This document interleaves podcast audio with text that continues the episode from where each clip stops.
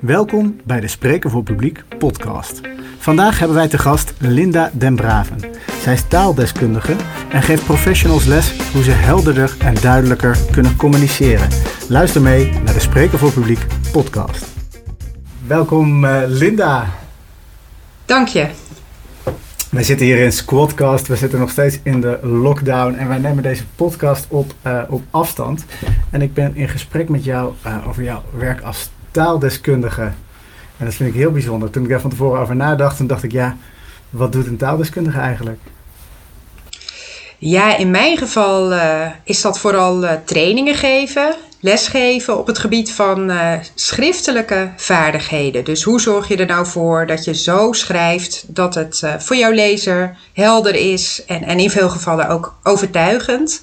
En ja, hoe, hoe gebruik je taal daarbij en ook de regels voor de taal, die, die spelen daarbij natuurlijk ook een rol de, de regels voor de taal. En, en, en, die gebruik jij om mensen helder en overtuigend te laten schrijven. En daar, dat je daar les in geeft, dat geeft eigenlijk al aan uh, dat er ergens een probleem is in de markt. Uh, er zijn dus kennelijk mensen, en dat weten we allemaal, die niet helder en overtuigend schrijven. Wat voor, wat voor mensen zijn dat? Wie, voor, voor wat voor mensen werk je? Wat, ik geef aan heel verschillende mensen uh, les en trainingen. Uh, ik werk uh, parttime op de Hogeschool van Amsterdam. Dus ik geef het vak zakelijk schrijven aan HBO-studenten.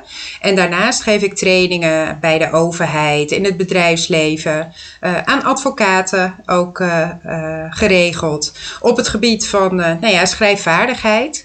En ehm, ja, daar komt heel veel bij kijken. Hè? Dat is uh, een, een heldere tekst, een overtuigende tekst, uh, die goed afgestemd is op de doelgroep. Ja, dat, die bestaat uit heel veel verschillende facetten. De, de inhoud moet natuurlijk afgestemd zijn op de lezer. Er moet niet te veel in staan, ook niet te weinig. De opbouw moet logisch zijn. Uh, ja, de lezer moet als het ware ja, uh, meegenomen uh, worden in je tekst. Zonder dat, ja, dat hij afgeleid wordt door gekke uh, zijpaden of, of rare sprongen. Dus die, die structuur is heel belangrijk.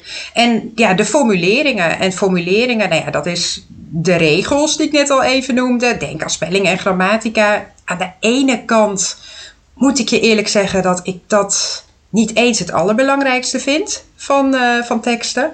Aan de andere kant weet ik ook dat in de praktijk, als iemand een ontzettend goede tekst schrijft qua inhoud, qua structuur, hij leest verder als een trein, maar er staan een paar enorme taalfouten in, dat dat wel afbreuk doet aan je professionele uitstraling natuurlijk. Dus ze zijn hoe dan ook wel belangrijk. Maar wat zeker ook belangrijk is, dat zijn de. Uh, ja, de manieren waarop je ervoor kunt zorgen dat je zinnen goed lopen. Want je kunt een, een zin maken die grammaticaal uh, helemaal correct is, maar toch uh, voor, de, voor een lezer heel, uh, heel lastig te begrijpen. En ja, dat dus, is ook. Die, uh, ja, ik kan het me iets bij voorstellen. Jij noemde net al advocaten. Nou, daar komen we straks wat uitgebreider over te spreken. Want deze uh, podcast die wordt ook mede mogelijk gemaakt door de Pleitacademie. Maar je geeft ook dit, dit, vak dus aan, aan HBO-studenten. zakelijk schrijven. laten we even daarop focussen. Van waarom is dat nou zo belangrijk dat zij op een goede manier formuleren en op een goede manier die taal gebruiken? Um, zij moeten uiteindelijk, ja, tijdens hun studie natuurlijk al, maar ook daarna in hun uh, werkende leven, um, ja, heel veel communiceren. Uh, uh, de, de kennis die zij hebben um, overdragen, of, of de bevindingen van hun onderzoek, of de adviezen die ze een, een opdrachtgever geven, die moeten ze op zo'n manier kunnen verwoorden in een tekst dat ja, die tekst ook effectief is. Dat, dat ze hun doel bereiken met die tekst. Ze doen het tenslotte niet, uh, niet voor niks, zo'n uh, zo'n tekst schrijven. En, en, en, en dan uh, gebruik je vast allerlei voorbeelden van, van adviezen die helemaal niet werken. Of dat je denkt van wat moet ik daar nou Ja, ik gebruik inderdaad graag praktijkvoorbeelden van rapporten, maar ook gewoon wel van brieven. Ik gebruik, nou ja, eerlijk gezegd al jaren dezelfde brief, een echte brief ooit gestuurd door een gemeente waar eigenlijk uh, nou, ik zal niet zeggen dat er geen touw aan vast te knopen is, maar je ziet aan die brief heel duidelijk dat de, le of dat de schrijver zich niet heeft verplaatst in de lezer. Die hangt eerst een heel verhaal op over iets wat al lang bekend is bij de lezer. En pas helemaal aan het eind komt hij to the point. Ja, dat noem je een, een trechtervormige tekst. Dat zegt je waarschijnlijk al iets. Nou, trechter nou, versus piramide. Ik kan me er iets bij voorstellen, uh, maar ik denk dat ik ben een beetje een beelddenker, dus dan denk ik ook echt in die vorm van die trechter. Van nou eerst een soort woordenbrei met aan het eind een hele kleine futiele boodschap misschien wel. Uh, maar wat, wat stond er dan in die woordenbrei? Wat is, waar, waar ging die brief precies over? Het was een uh, huis-aan-huis brief die ik zelf ik woon in Amsterdam in een, uh, een, nieuwbouwwijkje aan de rand van het centrum. En wij hebben een paar jaar geleden hebben wij een brief in de bus gekregen, huis aan huis hier. Die zijn, in dit gebied zijn 400 uh, woningen. Dus nou ja, die brief is in veel brievenbussen gevallen. En die brief die ging over de privatisering van de gemeenschappelijke ruimte. Want onze buurt is opgezet als een park. Uh, dus mensen hebben geen privétuinen. Tussen de appartementencomplexen zijn ja, grasvelden en, en wandelpaden. En op die grasvelden, daar kun je leuk picknicken en daar spelen kinderen. En ja, dat zijn eigenlijk de, de gemeenschappelijke tuinen.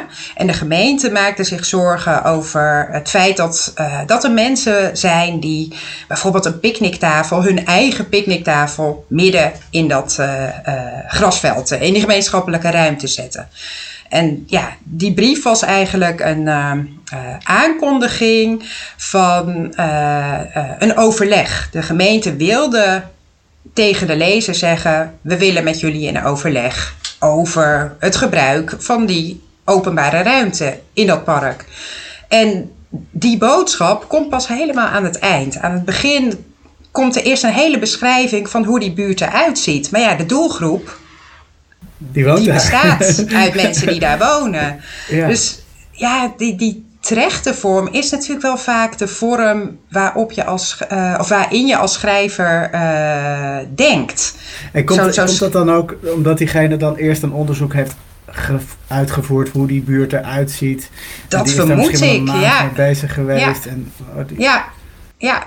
En die uh, zet dan in die brief het lijkt erop alsof hij eerst voor zichzelf even in kaart brengt van wat is er eigenlijk precies aan de hand? Hoe ziet die buurt eruit? En wat, wat staan er dan allemaal voor objecten op dat grasveld? En ja, is dat eigenlijk wel zo slecht? Want er staat ook nog in die brief van ja, het, voor het sociale concept is het wel weer goed dat mensen naar buiten gaan en ja, die gemeenschappelijke ruimtes gebruiken. Maar eigenlijk is het uh, stedenbouwkundig niet de bedoeling. Nou ja, heel veel ingewikkelde woorden ook. Terwijl de doelgroep is heel breed. Ook mensen die niet zo gewend zijn aan lange brieven lezen, hebben die brief ontvangen. Dus uh, ja, dat, ik vind dat een heel mooi voorbeeld van een heel zendergerichte tekst. Dus niet een ontvangergerichte tekst. Want die ontvanger die wil gewoon, die krijgt zo'n brief en die wil snel kunnen zien hey, een brief van de gemeente. Wat moet ik daarmee? Wat willen ze? Ja, ja toch, het is, het is zo, uh, zo begrijpelijk eigenlijk en zo logisch dat een, dat een ambtenaar dat doet. Want die, die begint natuurlijk maar hardop te, te denken of te schrijven, net zoals wij dat nu uh, doen in zo'n gesprek als dit. Uh, maar ja, daar, daar ontstaat dat dan door, zo'n zo'n woordige ja. brief. Hoe, hoe ja. zou je het anders kunnen aanpakken? Als je les geeft, hoe, wat zou je tegen je studenten zeggen van hoe, uh, hoe begin je? Nou, ik, uh, uh, wij oefenen dan met het, het omzetten van een trechtervormige tekst naar een piramidevormige tekst. De piramide, uh, nou, is een ja, veelgebruikt concept tegenwoordig bij, bij teksten en, en ook wel ja, voor, voor presentaties ook. Ehm, die piramide houdt in begin met je kernboodschap. Zorg dat je lezer, in dit geval dan, um, zo snel mogelijk ziet wat voor hem het belangrijkste is. Want dan is de kans dat jouw tekst effectief is, dat je er inderdaad mee bereikt wat je ermee wilt bereiken, is het grootst. Dus ik geef mijn studenten dan als oefening, uh, schrijf een nieuwe, nieuwe eerste alinea van deze brief. En maak daarin uh, zo snel mogelijk duidelijk wat de gemeente wil communiceren. Ja, Beste buurtgenoten, wij willen een bijeenkomst organiseren over het gebruik van de gemeenschappelijke ruimte. In Bijvoorbeeld, gaan we ja. uitleggen waarom, zoiets. Ja, ja. zoiets. Ja. Hmm. Ja, of misschien een, ik zou zeggen, misschien een klein uh, inleidend zinnetje nog daarvoor, waarin je de context uh, schept. Van nou, uh, in, in het park staan steeds vaker objecten in de gemeenschappelijke ruimtes. En de gemeente wil daarover graag met de bewoners in gesprek. Zoiets. Oké. Ik, heb, ik heb in, uh, in, in ons boek uh, Weg met Wollig, wat ik geschreven heb, het gaat over gesproken tekst en niet zozeer over geschreven tekst. Um, maar daar heb ik een, een, uh, een, een, tip over genomen van James Altucher. Dat is ook een, een, podcaster. En als hij een column schrijft, die schrijft heel veel columns, die produceert heel veel tekst. die zegt dat ik, ik schrijf hem eerst op en daarna gooi ik de eerste alinea weg. om, om een beetje, dat, die, knipt eigenlijk gewoon de bovenkant van die trechter uh, eraf. Ja, nou, dat klinkt, klinkt goed. Want vaak gebruik je als schrijver de, uh, de bovenkant om voor jezelf alles even op een rij te zetten, om op gang te komen. Maar daarin staat niet per se ja, wat voor jouw lezer het belangrijkste is. Ja, ja, ja ja, grappig. Maar nog beter zeg je is eigenlijk van ik ga hem echt designen vanuit uh, de kernboodschap en daarna. Uh... Ja, ja, ja, dat uh, ja, benadruk ik altijd ook wel in, in trainingen een goede voorbereiding. Dus eerst goed nadenken van hoe ga ik, nou ja, sowieso de inhoud natuurlijk selecteren van wat moet er in, wat moet er niet in. En daarna, ja, wat is de voor mijn lezer meest logische volgorde. En als je dan een, een bouwplan hebt of een kapstok, hoe je het ook noemt, dan pas te gaan schrijven. Want het is eigenlijk heel inefficiënt om eerst een heel verhaal op te hangen en dan later daar nog enorm aan te moeten gaan schaven. Dat, dat kost meestal heel veel tijd. Dus, maar ja, er zijn schrijvers die zeggen dat werkt voor mij niet. Ik wil gewoon beginnen, dan kom ik in de flow en dan ga ik later wel knippen, plakken, schaven. Dat is ook een manier natuurlijk. Ja dan zou je misschien die eerste brief even weg moeten leggen. En dan ja. nog dat bouwplan moeten maken. En dan, ja. Ja. dan wordt het natuurlijk heel veel werk. dan wordt het wel uh, heel tijdrovend, ja. Ja, maar uiteindelijk is de kans dat je dan een, uh, nou, een goede tekst uh, krijgt, is wel het grootst. Ja, en, ja. Dus ik herken dit in, in, in ons boek, want we hebben ons boek de eerste versie hebben we op de, op de foute manier geschreven, om het zo maar even te zeggen. We zijn gewoon begonnen. We dachten van nou, een boek is 300 bladzijden, dus uh, doen we 30 bladzijden in een week. En dan zijn we in een week of tien zijn we wel klaar. uh, dus we zijn eerst maar eens gewoon gaan, gaan vullen. En dan kom je er op een gegeven moment achter van ja, sommige stukken dat past helemaal niet in het structuur die ik voor ogen heb. Of we hadden niet eens echt een structuur voor ogen. Dus zo zijn er wel hele lappen tekst gesneuveld. Dus achteraf dacht ik van, oh ja, maar als we daar van tevoren iets langer hadden nagedacht over die structuur, had me dat denk ik heel veel tijd gescheeld ook achteraf.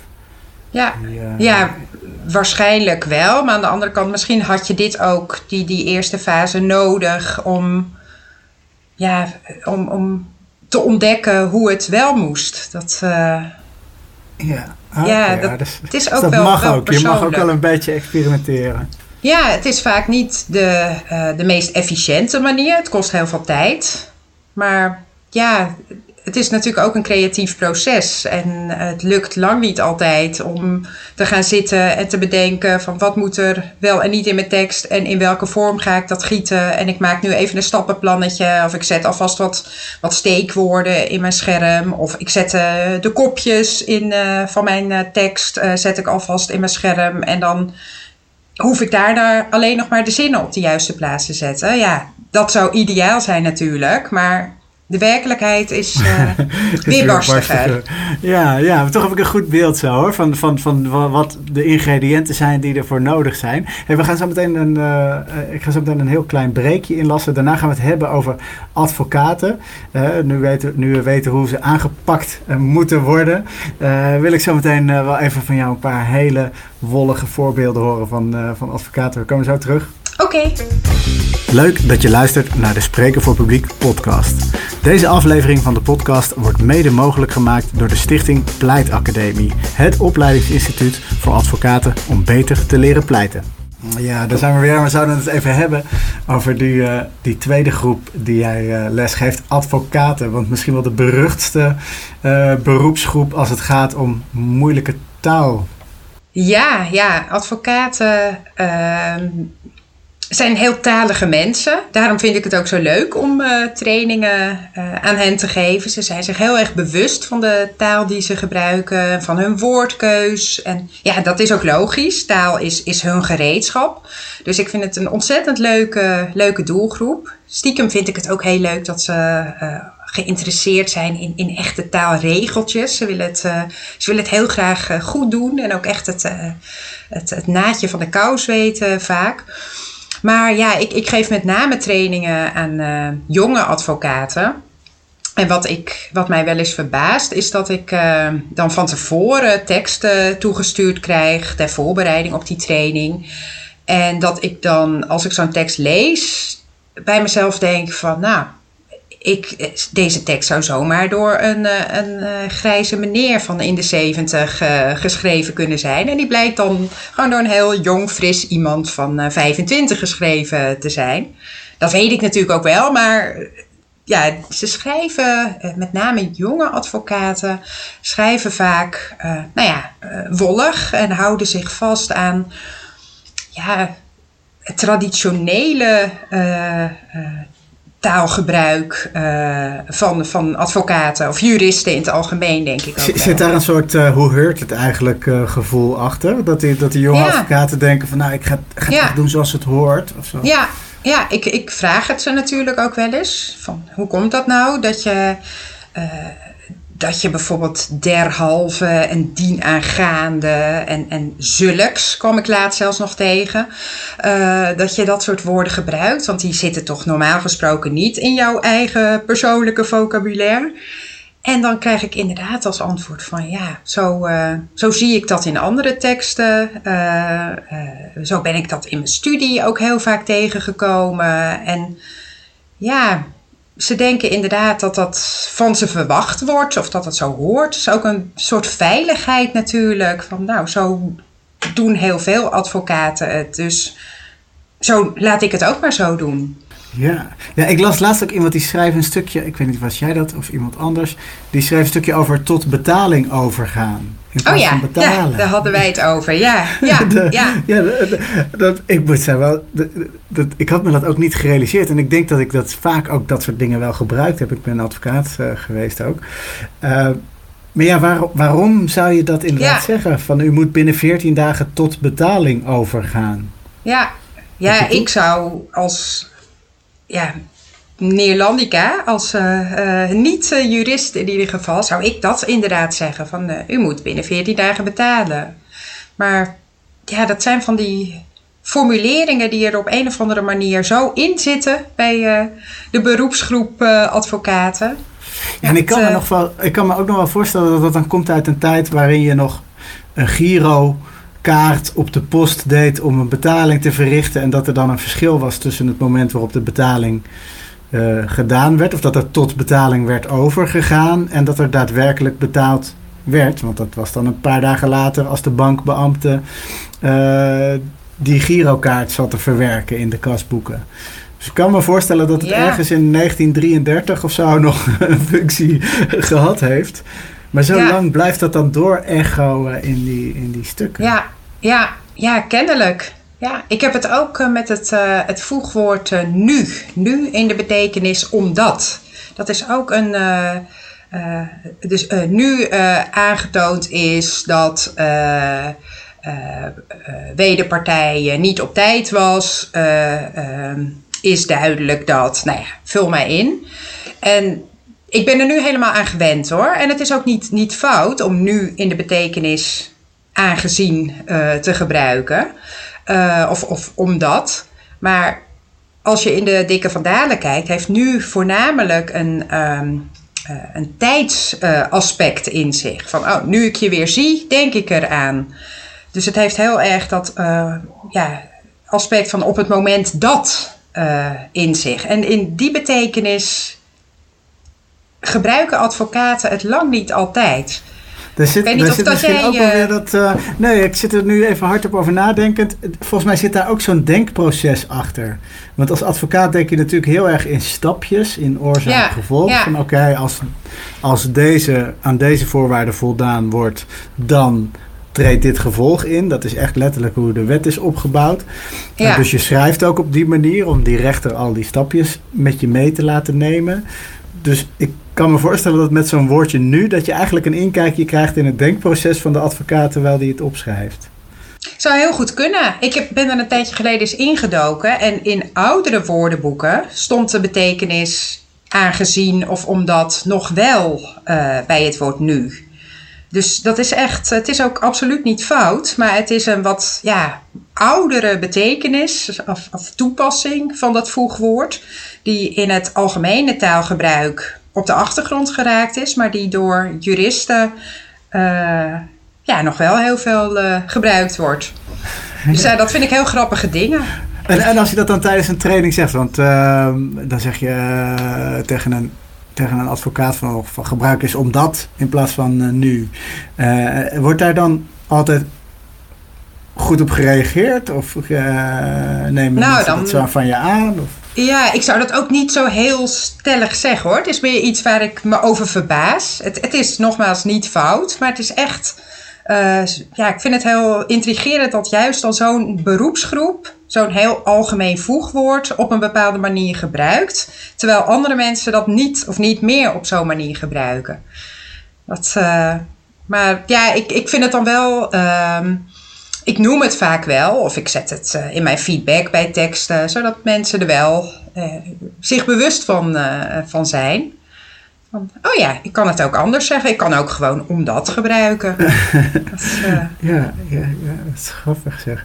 Die, zie je dat ook in andere beroepsgroepen? Want dit is dan zo'n voorbeeldje, een, een advocatenvoorbeeldje nu en derhalve misschien ook wel en tot overgaan. Maar zie, zie, is, is er iets wat medici of bankiers of een andere beroepsgroep veel gebruikt waarvan je denkt, nou, dat kan er wel uit? Ja, elke beroepsgroep heeft natuurlijk zijn eigen jargon. En dat is verder, ja, als je voor iemand schrijft die dat jargon beheerst, dan is dat natuurlijk prima. Sterker nog, dan is het alleen maar omslachtig en verwarrend als je daar alternatieven voor gaat uh, bedenken. Maar ik zou zo snel niet een, een uh, voorbeeld weten van een gewoon algemeen uh, woord dat in een specifieke beroepsgroep uh, ja, net op een andere manier gebruikt wordt. Nee, daar zijn advocaten toch wel uh, heel uniek in, denk ik. Dat is toch de bijzonderste groep van het land. Ja. ja. Dat is, dat is toch wel, wel, wel grappig. Je, je noemt jargon. en, daar, en dat is natuurlijk de verdediging die je vaak hoort van ja, nee, maar het is het is nu eenmaal, uh, een ontbinding is nu helemaal niet hetzelfde als een opzegging. Uh, dus ik moet wel die vaktaal gebruiken, want anders uh, trekt de rechter de verkeerde conclusie. Daar is natuurlijk wel wat voor te zeggen. Ja, zeker. maar ja, jargon, is daar iets aan het veranderen? Dat is, vraag ik me wel af. Ik, qua, want je hoort rechtbanken vaak zeggen van we moeten begrijpelijkere vonnissen schrijven. Ja. zie je ja. daar... Ja, er is zeker wel wat aan het, uh, aan het veranderen. Ik geef ook af en toe trainingen bij rechtbanken, inderdaad. Uh, maar ook in, in de advocatuur, steeds meer kantoren streven naar, naar begrijpelijke taal. Dus op zo'n manier formuleren dat je teksten toegankelijk zijn voor een zo breed mogelijke doelgroep. En daar zou je natuurlijk meteen tegenover kunnen stellen van ja, maar heel veel van die teksten zijn niet bedoeld voor een heel brede doelgroep. Waarom zou dat dan moeten? Nou ja, korte zinnen, uh, actieve zinnen, uh, modern woordgebruik, nou, noem maar op. Nou, ook voor mensen die wel uh, nou ja, een hogere moeilijkheidsgraad aan zouden kunnen, is het prettig als een tekst niet onnodig ingewikkeld is. Als die zich nou ja, op, een, op een makkelijke manier laat, uh, laat lezen. Ook, ook rechters vinden het prettig als een processtuk niet uh, onnodig lange zinnen uh, bevat en, en van zichzelf niet onnodig lang is. Dat, Ja, dus, ja, ik kan me voorstellen, ik moet even terugdenken aan, aan die brief die je net noemt. Dat je zegt van ja, gemeenschappelijke uh, de privatisering van de gemeenschappelijke ruimte. Terwijl uh, ja, jij, leest, jij snapt die zin wel, maar jij leest waarschijnlijk ook liever van uh, we hebben een overleg over de picknickbank. Want ja, weet je meteen waar het over gaat. Ja, oh, ja. Oh, dat ding. Ja, die staat mooi ja. weg. Nou, daar ga ik naartoe. ja. ja, en die brief was ook echt voor een brede doelgroep geschreven. Dus voor mensen van allerlei verschillende opleidingsniveaus, uh, uh, verschillende uh, taalachtergronden ook. Dus dan ja, moet je wel. Dus bij de overheid is dat ook echt nu iets waar heel heel veel aan gewerkt uh, wordt, aan dat begrijpelijk schrijven. De overheid is daar nu, uh, die hebben ook die campagne direct duidelijk. Die zijn daar heel, uh, heel actief mee bezig. maar bij advocaten, ja, kun je natuurlijk ook in sommige gevallen zeggen van ja, maar deze lezer is zelf ook advocaat of deze lezer is rechter en die dat hoeft niet, uh, niet per se uh, zo, uh, zo eenvoudig mogelijk opgeschreven te worden. Maar zou, het nog... zou het zelfs andersom kunnen? Ik, ik heb ooit een advocaat horen zeggen van ja, nee, ik moet wel moeilijke woorden gebruiken, want het kost 200 euro per uur. Ja, anders ja. anders denken mensen, betaal ik daar al dat geld voor? Ja, ja. ja, ik hoor dat advocaten ook wel zeggen, maar niet zozeer over ehm, woord, woordgebruik of, of formuleringen, maar ook um, vooral over tekstomvang.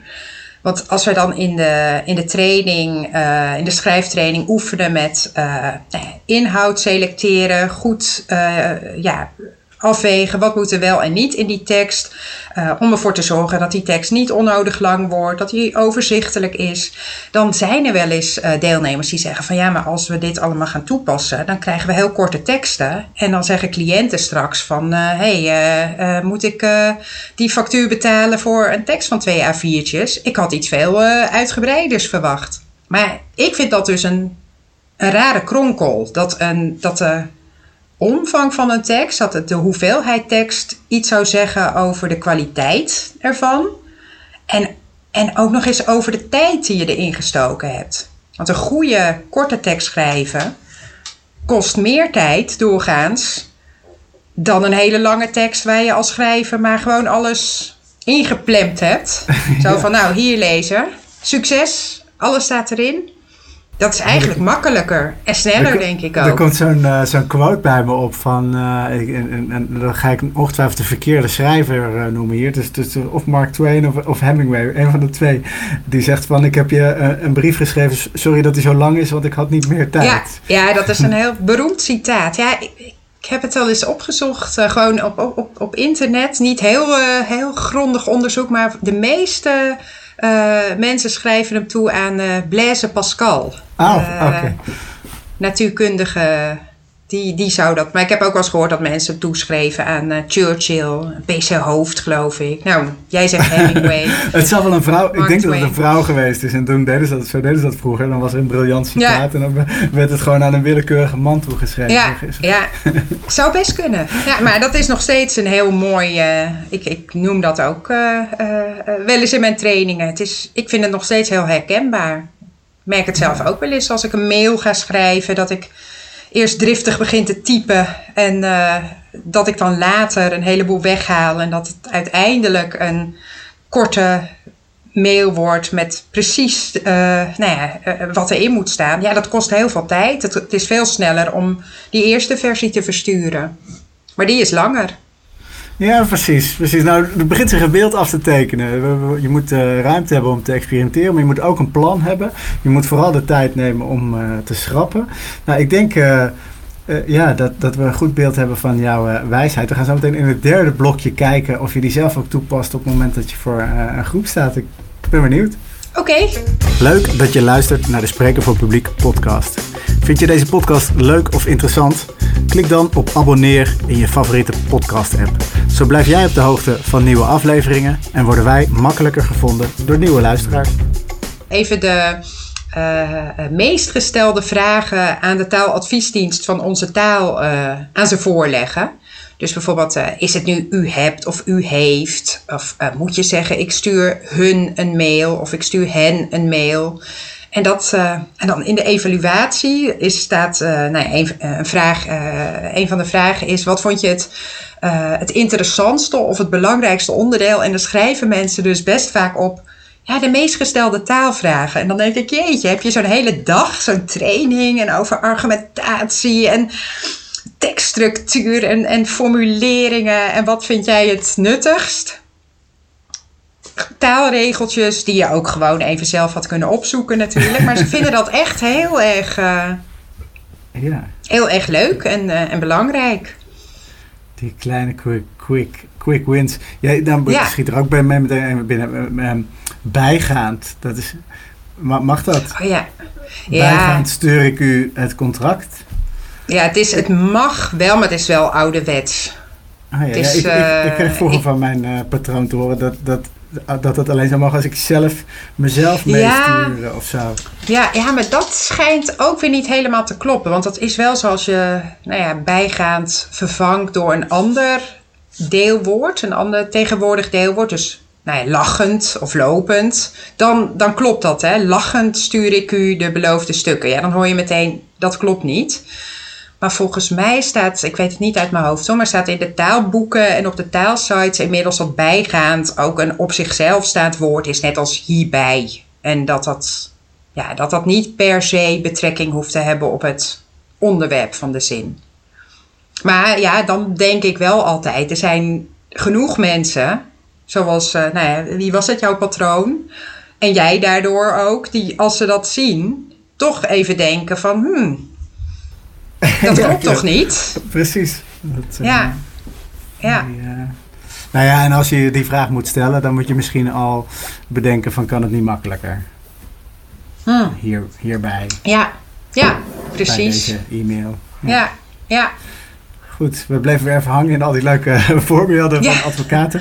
We, we, we, gaan even verder met, uh, want dit is de Spreken voor Publiek podcast. Nou, we hebben het natuurlijk gehad over schrijven. Uh, ik wil het ook even met je hebben over spreken. Volgens mij staan die twee niet los van elkaar, want de meeste gesproken tekst uh, wordt eerst opgeschreven. Of in ieder geval tekst die wordt uitgesproken op een podium of in een les voor een groep. en jij geeft natuurlijk zelf ook les. Um, dus ik was een beetje benieuwd als jij je lessen voorbereidt, pak je dat dan op dezelfde manier aan als, als, de, als de tips die je nu hebt gegeven?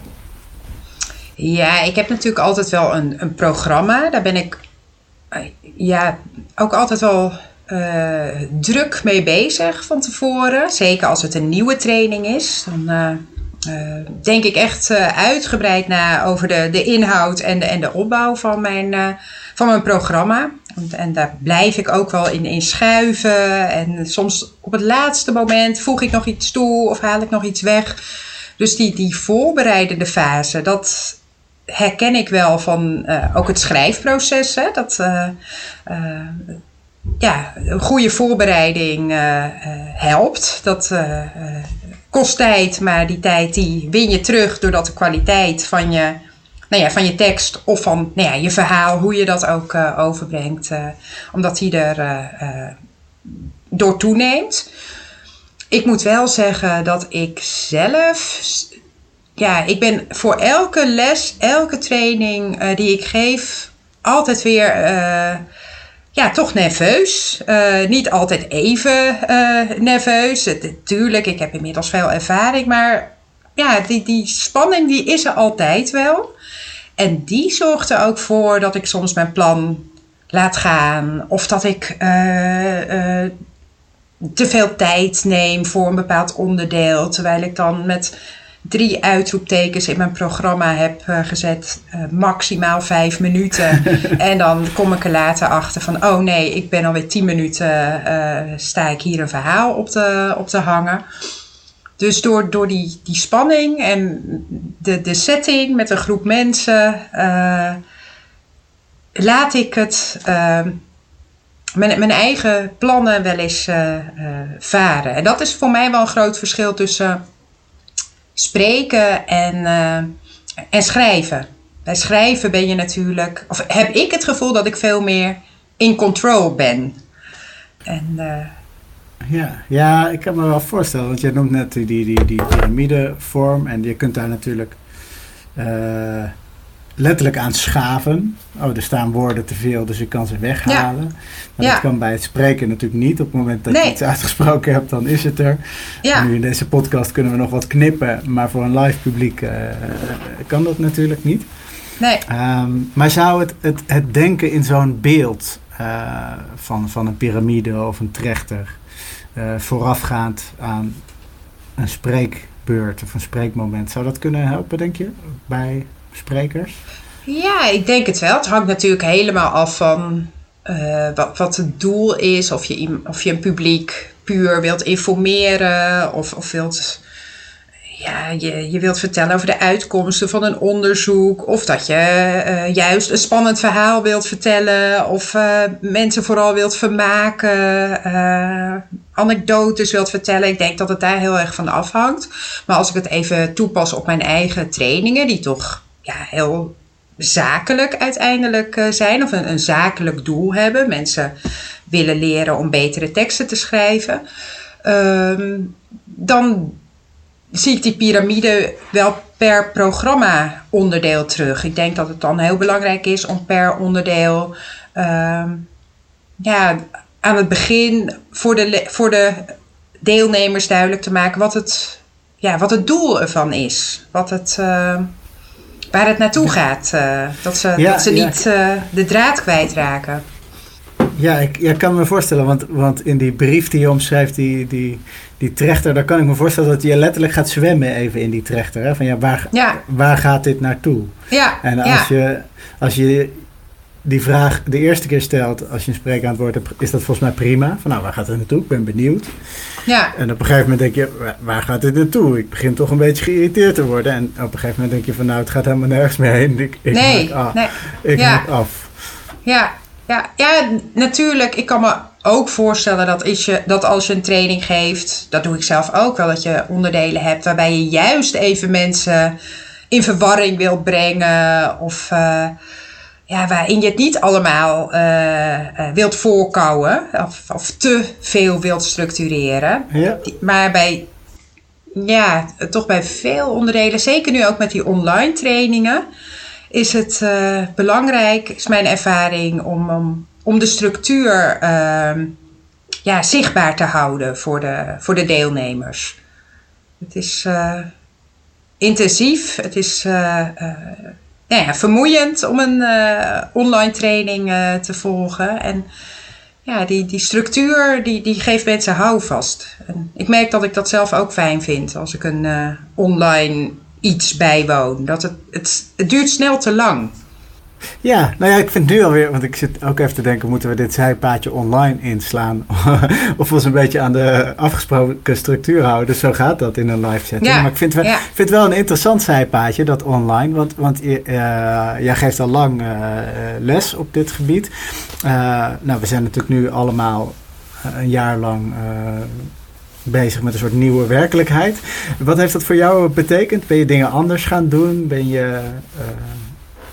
Ja, ik ben uh, mijn trainingen ja, nog meer gaan, gaan structureren ik moet wel zeggen dat uh, tot afgelopen december dat ik op de hogeschool wel ook live les gaf. Wij gaven de helft van de colleges uh, in levende lijven. Dus dat was ontzettend fijn. Groepjes van twaalf studenten. Dus een enorme luxe, kleine groepjes. Ze waren allemaal heel blij om naar school te gaan. Dus dat was heel, voor mijzelf ook heel fijn. Maar dat is inmiddels ook twee maanden geleden natuurlijk. Maar ja, om terug te komen op jouw vraag. Mijn, mijn trainingen zijn uh, uh, korter geworden. Ik hak ze meer in, in, in kleine uh, modules op. Dus niet een hele dag achter elkaar. En, en zelfs een dagdeel is, vind ik vaak al aan de lange kant. Um, en ja, de, de opbouw nog meer aankondigen. en, en ook tijdens de training terugkoppelen. nou, dit was het programma, dus we hebben net dit gedaan en we gaan nu dit doen. Heel erg benoemen waar je bent in het programma, nog meer die houvast uh, bieden. Dat, dat werkt voor mij in ieder geval. Misschien zijn er ook wel deelnemers die zeggen van uh, wat wordt het allemaal uitgekoud en ik wil wel wat meer verrast worden. Maar ik, uh, ja, ik denk dat die, die structuur online nog belangrijker is dan bij ja, bij trainingen in levende lijven. Misschien ook wel omdat mensen toch nog makkelijker weg kunnen lopen of, of, of, of naar een, letterlijk naar een, een, mail kunnen gaan klikken of iets dergelijks. Ja, ja, ja. Echt bij de les houden. Ja, goede tip uh, voor iedereen die thuis wel eens wat online uh, organiseert. Um, ja, over, over tips gesproken. We komen een beetje aan het eind uh, van deze podcast. En dan vraag ik altijd aan iedereen: van nou, als je nou één echt killer tip hebt die iedere spreker, of in dit geval ja, iedereen die iets met taal doet. Als je maar één ding onthoudt, je mag alles vergeten, maar dat één ding is zo belangrijk, wat, wat zou dat dan zijn? Ja, een open deur van je welste, maar denk altijd aan je publiek. Uh, je stel je publiek centraal. Uh, ja, dat is, ja, zonder jouw lezer is jouw tekst, als jouw lezer jouw tekst niet begrijpt, of, of nou ja, dat geldt natuurlijk ook als bij gesproken taal, als, als je toehoorder, als je je toehoorder kwijtraakt, ja, dan is het eigenlijk voor niks wat, je, wat je doet. En dat is bij, bij teksten, ja, kijk, en toehoorders die, die zitten soms nog in de zaal en die, die blijven wel luisteren. Maar mensen kunnen natuurlijk heel makkelijk een tekst terzijde schuiven of een, een, een mail wegklikken of uh, nou ja, het gewoon opgeven van, nou ja, ik weet niet waar dit naartoe gaat en ik heb, ik heb andere dingen te doen. Ik kijk later nog wel eens of helemaal niet meer. En als jij wil dat, jij, dat jouw tekst gelezen wordt en dat, dat jij je doel bereikt ja, dan moet je je tekst qua inhoud, qua opbouw, maar zeker ook qua, qua taal uh, zo goed mogelijk afstemmen op je, op je publiek. Hartstikke mooi. Nou, ik vond het helemaal niet zo'n open deur. Ik vond het een hele mooie tip. Dankjewel voor, uh, voor het mooie gesprek. Graag gedaan. Vond het leuk. Tot spreeks. Oké.